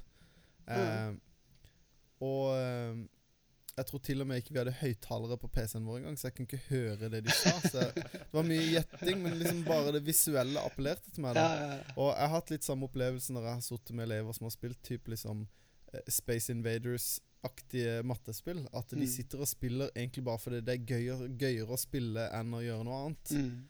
Altså, bryr, altså bryr de seg på en måte ikke om at gikk, Jeg skjønte egentlig ikke det her, men, det er, men nå sitter jeg med dataene her, og det er gøyere enn å høre på Mats Jakob Ja. prase om Ja, ja, gangetabell, ikke sant? Jeg, jeg husker jo um, jeg husker fra min egen barndom så var det jo Backpacker 2 var jo et sånt spill som jeg jo lærte fryktelig mye om alt mulig rart. Og det var jo sånn Det var jo sånn at lærere måtte spørre meg av og til sånn Hvor har du det fra? Nei, jeg har det fra Og da var svaret alltid enten Det har jeg fra å lese Donald, Ja. eller fra å lese Asterix, eller fra Dumme, eller å spille Backpacker 2. ja, bra. det er Barndommen sin, det. Det er sin, det. Eh, du nevnte jo litt tidligere så nevnte du dette med nye læreplaner. Eh, Ja, ja. Og altså, vi har jo sett eh, Tidligere så har vi nevnt så vidt den nye på en måte kultur... altså spillplanen fra Kulturdepartementet. Den har vi snakka litt om i høst, for så vidt. og kikka litt på. Men dette med nye læreplaner er jo kanskje noe som du er litt mer engasjert i. og sånt, og De står Ja. for døra. Hva, hva muligheter gir de egentlig med tanke på dette med spillpedagogikk? Ja, nå, nå jo, Vi ble jo på en måte tatt litt i skole, da, fordi at eh, når, vi ble jo skikkelig gira når, når nye læreplaner kom, og engelskfaget på VG1, studiespillende, spesialiserende og yrkesfag, har et, et eget læreplanmål som handler om at elever skal kunne si noe om form og innhold i ulike kulturuttrykk, der, i, der eh, iblant spill. Eh, Men så viser det seg at spill har jo vært inne, og dette vet kanskje du mer om, Mats Jakob, at spill har jo vært inne i, i læreplanen i, i barnetrinnet tidligere. Eh, men, men så, ja, så, så læreplanene for videregående skole, der, der er det kommet inn nå, da. Eh, på VG1-nivå. Og jeg tenker at eh, og, og det faller sammen òg med omleggingen av timer. Sånn at de som begynner på yrkesfag nå, om det er helsefag, eller om det er byggfag, eller, eller hvor det enn er, så skal de ha fem timer engelsk nå i første klasse. Så det åpner opp for en veldig, veldig Du får masse tid da, i engelskfaget. Og Jeg syns det kan bli utrolig spennende å, å jobbe rett og slett med, med spill i, i engelskfaget på VG1. Eh, det Jeg har skikkelig, skikkelig tro på det, altså. Det er jo spennende. Vil det forresten si at antallet årstimer i engelsk eh, kommer til å gå opp? Ja, men vi har på en måte dytta norsktimene Norsken er ut, ute av VG1 på, på videregående, og så kommer man inn igjen i VG2. Og så har man flytta engelsktimene over på VG1. Sånn at man har ikke lenger en sånn eh, Vi har på en måte hatt litt sånn Du har litt timer på VG1 og litt på VG2, og så har man prøvd å konsentrere det mer. da. Eh, litt usikker på hvordan det kommer til å slå ut med at man hopper over norskundervisningen et år. Men eh, jeg tror det kan For, for, for engelskdelen så, så tror jeg det kan ha mye for seg, altså. Det, Det, det, kan absolutt, eh, det kan absolutt funke, det, tenker jeg. Eh, i- igjen en sånn erfaring fra egen eh, del, men altså på Teologiske høgskolen der jeg jobber, så merker vi absolutt en positiv effekt av å ikke konsentrere gresk og hebraisk samme året. Men Ja, faktisk ja. på en måte ta på en måte gresk på andre året og hebraisk på tredje året for de som ville ta det. Uh, og man merker jo på en måte med en gang at særlig sånn altså det er jo litt annerledes igjen, for det blir jo mer på en måte språkspråk, mens eh, engelsk og norsk er jo fag som er mye mer omfattende enn bare språket. For det er jo mer kulturfag òg. Uh, men jeg ser absolutt for meg at det kan, det kan absolutt være interessant, Ja. det som du sier der. Men det gjaldt, det gjaldt altså bare yrkesfag. da. Sånn at der, Mm. Man har ikke gjort endring i studiespesialiserende. Men begge har jo da spill inne. Så Ja. her er det mange muligheter. Ja, kjempespennende. Uh, Mm. Så ehm, helt til slutt um, Hvis folk er litt nysgjerrige på dette her, hvis folk hører og tenker at dette her, det har jeg enten lyst til å prøve, dette har jeg lyst fordi jeg jobber i skole, eller dette har jeg bare lyst til å lære mer om fordi det er kjempeinteressant, um, hvor kan folk gå for mer ressurser på dette, og hvor bør på en måte folk begynne, hvis dette er noe som de tenker det er interessant? Ja, er det dette som er avdelingen for skamløs egenreklame? Dette er på en måte plug-in for harde For alle penger, altså. Jeg kjenner jo til en podkast som heter Spillpedagogene. så Der kan man jo Mm. sjekke ut den. Det hadde jo vært en idé. Jo. Eh, så finnes det jo type ressurser um, på F.eks. hvis man er engelsklærer, da, så finnes det ulike Facebook-grupper som, som har, har mange gode diskusjoner om, om, eh, om spill, blant annet. Eh, uten at jeg klarer å ta noen foreløpig. Men, men, eh, men sjekk ut Spillpedagogenes podkast eller eh, nettsider eller Ja, i det hele tatt. Um, eh, og, og ikke minst, ja, en ting til. Um, eh, dra, vær på Twitter. Kan jeg, det kan jeg si? Ja, ja, ja, absolutt. Kjør på. Ja, ja det, er mye, det er så mye gode skolediskusjoner på Twitter at eh, det syns jeg man bør som lærer eh, ta seg tid til. Så Twitter kan faktisk brukes til noe godt. Å, tenk det. Tenk det. I tillegg til å bli blokka av han ka, Ka- fyren så- Kamiya, så kan man òg drive med skolediskusjoner. Det, det må jo kalles en full dag hvis du blir blokka av Kamia og har gode sk- spilldiskusjoner på en og, eller skolediskusjoner på en og samme dag. Da Ja. har du jo på en måte en beste dag på Twitter. Ja, nettopp. Men uh, kjempespennende. Jeg føler jeg har lært så masse nå. eh, Og selv om jeg ikke jobber i skole med eller Iallfall ikke sånn skole, uh, så syns jeg det er kjempeinteressant å lære mer om det pedagogiske og hvordan spill kan benyttes som det verktøyet. For jeg har jo en reell tro på at spill absolutt har den pedagogiske funksjonen og kan absolutt brukes som et verktøy hvis det brukes rett. Ja, definitivt. Men det er viktig det du sier, da. Det, det må brukes rett. Altså, man må ha en, en tanke bak. Og det, det, det virker litt sånn selvfølgelig. ikke sant? At man som lærer må ha en eh, Man må svare på spørsmålet hvorfor bruker jeg dette her nå? I denne timen her, i dette temaet. Men, men det er litt viktig å si det, at det er ikke bare å kaste inn spill i undervisningen og tenke at nå går det bra uansett. For man må ha en plan. Så det, det er viktig det du, den, den presiseringen helt til slutt der, altså. Eh, ja. Så det er ikke bare å sette på Fortnite og håpe på det beste. Nei. Selv om vi kan få verdensmestere her i Norge òg av eh, den slags. Så. Det kan vi jo for så vidt. Men uh, da runder vi av litt den der faglige biten av uh, del to. Så da vil jeg bare takke for det, uh, før jeg glemmer det. Vi skal ha mer av podkasten, men tusen takk for masse spennende informasjon der. Halvor. Det var en glede. Absolutt. For dette er en Hebereke pachinko-kontroller til Super Nintendo. It's curiosity. What are you gonna show to me? It's curiosity. What neat thing to know. It's curiosity. What are you gonna show to me? I haven't even heard of it. What a neat thing to know. It's a great the show. Vi skal ikke gi oss helt med podkasten ennå. Vi skal nemlig innom uh, noen faste liturgiske ledd, som vi kaller det. Uh, og Mats Jakob, du har fått ansvaret for kuriositet, så what are you gonna show to me? Yes, i dag har jeg valgt å trekke fram eh, Det er kanskje en litt sær kuriositet, men eh, du som er en god gammel uh, Megamann-fan, Ingar Yeah! eh, Du har sikkert da hørt om uh, Megaman The Wily Wars. Ja, jeg har jo hørt om det fordi det kom med på um, Sega um, Megadrive Mini. Ja, kult. Ja, det, den har jeg ikke Har du kjøpt den? Du, Jeg har ikke kjøpt den ennå. Jeg sto Nei. i dag senest på platekompaniet og sikla litt på om jeg skulle kjøpe den eller ikke. Men jeg har venta litt enn så lenge, for jeg jobber med å koble opp den faktiske Sega Megadriven til CRT-TV-en i stedet. Ikke sant? Men uh, for de som ikke er kjempekjent med Megamann-serien, så er det jo eh, eh, De fleste forbinder, vil jeg tro, er min opplevelse, jeg tør å påstå det, For fleste fi forbinder Megamann med Nintendo. Mm. Eh, Mm. så det kom for mange som et sjokk i at i 1994 så kom det ut et Megamann-spill på Sega Megadrive. Som ble Ja. kalt for The Wily Wars. Som var en, eh, en remake av Megamann 1, 2 og 3. Med en slags historie litt sånn veva inn med noe tidsreising og sånn. Eh, Det er jo ikke historien du spiller Megamann for, eh, vil jeg tro. Nei, nei. Men eh, eh, Og det som er fascinerende, er at dette spillet kom ikke ut i Amerika. Det kom bare ut i Japan og Europa. Eh, men det kom ut eh, Her kommer bikuriositeten. Det kom ut i eh, USA, men det var kun én måte å få tak i det på. Og det var hvis du var en av de rike av de rike småbarn. Bortskjemte unger som hadde Sega Channel.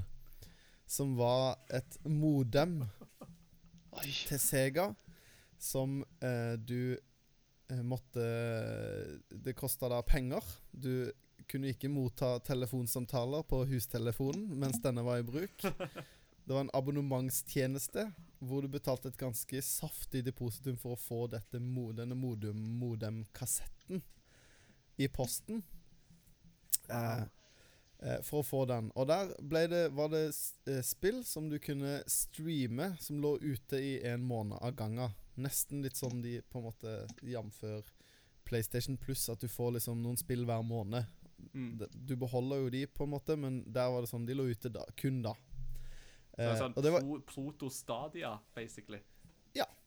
Eh, så det eh, Nintendo hadde jo Satellaview i Japan, som eh, eh, Men da var det jo at du måtte spille det når Eller laste ned spillene når det ble sendt. Mm. De ble faktisk broadcasta. Det ble sendt som en film, hvor du måtte da være sitte klar og laste ned når det kom. Tenk det. Eh, men eh, Sega Channel var mer eh, var det, det var ting som var tilgjengelig en måned av gangen. da Og det var eneste måten å spille Megaman The Wily Wars for en amerikaner, med mindre du var så heldig at no, du kunne importere det. Eh, men det, jeg har en liten kuriositet til. Wow. For har, eh, Visste dere at Megamann nådde helt til Arkaden? Nei det, Jeg tror ikke det, at jeg visste det. Nei. Nei, for det i 1994 95, året etter eh, Megaman The Wily Wars kom ut, så kom Megaman The Power Battle til Ja. Arkaden. Og det er i bunn og grunn en, en, en arkademaskin som er en boss rush-mode av alle bossene i Megamann-spillene. Eh, men presentert som et 2D fighting-spill. Aha. Eh, så Og det kom eh, Jeg vet faktisk ikke om det kom i Europa. Nei. Det kom til Japan, Asia og Nord-Amerika. Det kom aldri hit. Ja. Så det er kanskje ikke så rart hvis ingen har hørt om det, men det er et veldig fascinerende spill, fordi at det var det første, bortsett fra Megaman Soccer eh, Så er det det første Megaman-spillet som på en måte er, går inn i en annen sjanger, da. Mm. Eh, og eh, når det er på Arkaden, spesielt på 90-tallet, så har du jo noe fantastisk sprite work i, i det spillet. Det de spritesene er utrolig lekre, syns jeg, da. Åh, Men nå er jeg jo kjekt. litt sånn Tenner litt på sånt. eh, fine sprites. Det liker jeg. Mm, eh, Sprites. Sprite. uh, yes. Så det ble egentlig det det byr på. Det ble tre, tre kuriositeter igjen. Um, både Wally Wars, Power Battle og Sega Channel. Mm. Og ikke minst så nevnte du jo Megaman Soccer midt oppi det hele òg, så det var jo fire. Du kan, noen vil jo kanskje argumentere for at det er en kuriositet.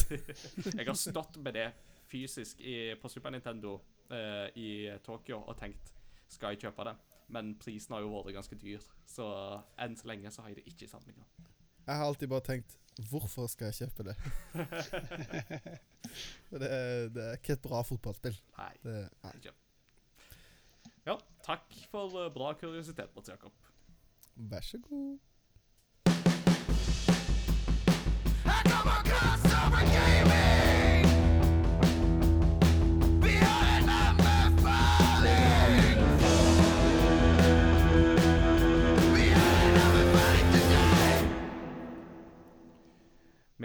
Ikke helt ferdige ennå. Vi skal nemlig få ta med oss noen anbefalinger på veien ut. Og Halvor, som eh, tradisjonen tro, så er det gjesten som får eh, Nei, kuriositet, sier jeg. Det er gjesten som får anbefalingen.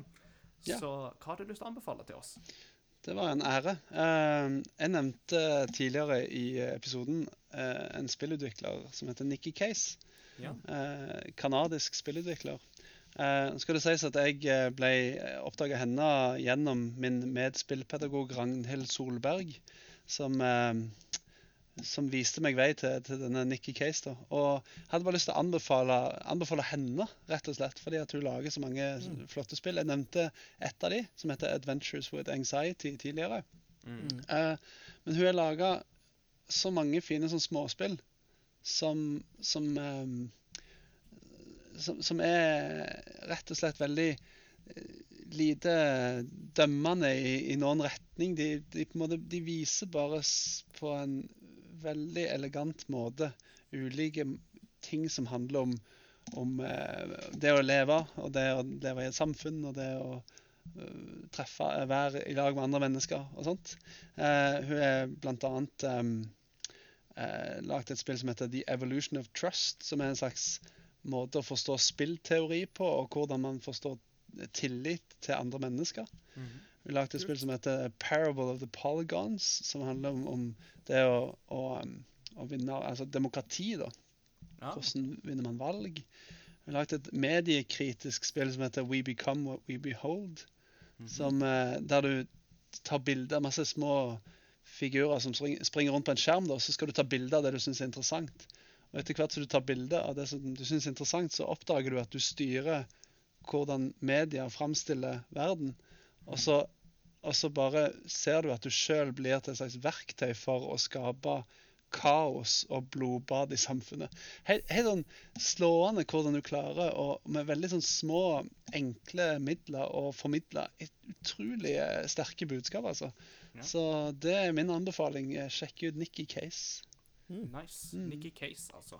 Da legger vi den inn i eh, Facebook eh, i kommentarfeltet til denne episoden når den slippes, så folk så kan eh, sjekke det ut litt lettere. Det pleier vi å gjøre. Og eh, det gjør det litt lettere for folk å ikke minst huske hva som var anbefalingen. Så Veldig bra. Veldig bra. veldig, veldig bra. Tusen takk for det. Da var det eh, anbefalingen. Og med det så har vi kommet til veis ende, og det er på tide å avslutte podkasten med postludium. Uh, og det òg syns vi er kjekt å overlate til gjesten. Uh, en liten spilletrudelutt til slutt, som vi kan avslutte episoden med. Ja. Så hva har du valgt for oss i dag? Men jeg, jeg, jeg tør nesten ikke si det, for at du kan jo japansk. Så jeg er så kjemperedd for å, for å uttale navnet på denne komponisten feil. da. Men, men jeg, jeg, jeg har et spillminne fra Shadow of the Colossus, som er det gamle Team Ico-spillet fra 2006. Eh, som, der jeg, jeg husker bare så godt at musikken var så passa så utrolig til når du Hvis dere husker det, du møtte på de her gigantiske kjempene som du skulle eh, nedkjempe, rett og slett, for mm. i denne verden. Uff, det, var, det var et kjempebra spill, og Ja. utrolig flott musikk. Mm. Eh, komponert av eh, Nå får du arrestere meg. 89K. Nei, jeg tror det er riktig, eh, sånn som du uttalte det. Så, å, så gøy. Ehm, ja, veldig, veldig fin uh, um, spillmusikk. Og så er det jo, det er jo en, en svær tracklist på, på denne greia. Så hvis, er det sånn at man legger inn denne musikken da? Ja, vi legger inn en liten sånn slutt på Ja. slutten der, så folk får høre på. Så. Fordi at det er et stykke som heter Revived Power, som ligger sånn, ja, et stykke ute i spillet, Ja. som er utrolig, utrolig flott. Ehm, så det kan, eh, det kan være en fin avslutning på, eh, på dette her. Da fikser Mats Jakob det når han skal klippe episoden etter uh, innspillinga i dag. Så da er det Revive Power fra Shadow of the Colossus, komponert av Otani K, altså. Superdupert. Det Shadow of the Colossus er jo et sånt spill som er sånn Du glemmer det ikke hvis du har spilt det. Nei, det gjør vi ikke. og det er fortsatt ingenting som er på en måte helt Helt det samme. Så kjempe, kjempebra um, tips der. Jeg, jeg må forresten få somla meg til å spille nyversjonen på PlayStation 4. Der, jeg har det jo, men jeg har ikke spilt det ennå. Kanskje det er det jeg skal gjøre i helga. Hvem vet. Vel, med det Luksusproblem. Mm? Luksusproblem. Ja, ja, ja. Hva skal jeg spille? Nei, men det er jo litt sånn akkurat nå så er det jo litt sånn eh, stilleperiode. Litt tørketid i eh, den nye. eh, Og da er- passer det jo veldig godt å gå i backloggen og ta det Ja. som er fascinert. Mm. Ja, eh, Halvor, tusen hjertelig takk for at du var med oss i Crossover Gaming og snakket om eh, spillpedagogikk. Jeg tror det er Tu- mange lyttere som har lært kjempemye. Så bra. Takk for at jeg fikk komme. Det var veldig gøy. Og hvis eh, dere får eh, lyst til å besøke oss igjen, så er dere hjertelig velkommen til det. det Ja, takk. Uh, vi er tilbake allerede om ei uke. Vi skal forskyve litt på programmet. Eh, så allerede om ei ukes tid så er vi tilbake, og da har vi med oss en eh, ny gjest. En som uh, takka ja ganske umiddelbart, han òg, da han ble spurt. Så det er ikke noe vanskelig å finne vikarer for Christian. Så Christian, eh, du må bare bli i Japan, og håp- ikke ta med deg omgangssjuke til oss her i Norge, er du snill. Nei da. Jeg er glad for å ha deg tilbake når du kommer dit, men Mats Jakob flirer godt her nå, så jeg uh, nei, jeg bare ler, for jeg, jeg fikk en snap av Christian hvor, hvor han hadde tatt bilde av eh, aloe vera-yoghurt. Og så er det bare bilde av yoghurten, og så zoomer du ut til han som lager litt sånn øh, ekkelt tryne, og så står det Så står det 'æsj, selleriyoghurt' under. Det kan stemme. Og så er det litt sånn Det er gøy om det var meninga at det skulle være at han tok feil, og så er det også gøy hvis han tok feil. Så det er gøy uansett. Så sånn er det. Takk til alle dere som hørte på. Hvis du liker det du hører på, så må du gjerne tipse dine venner om denne podkasten. Vi er på Spotify, vi er på iTunes, vi er på Soundcloud og basically overalt der podder blir kasta. sjekk gjerne òg ut Facebook-sida vår. Det er bare å søke opp Crossover Gaming eller Instagrammen Cog Podcast. Vi er som sagt tilbake om ei uke, og med det så sier vi som vanlig at vi snakkes ved neste korsvei. Ha det bra! Hej då.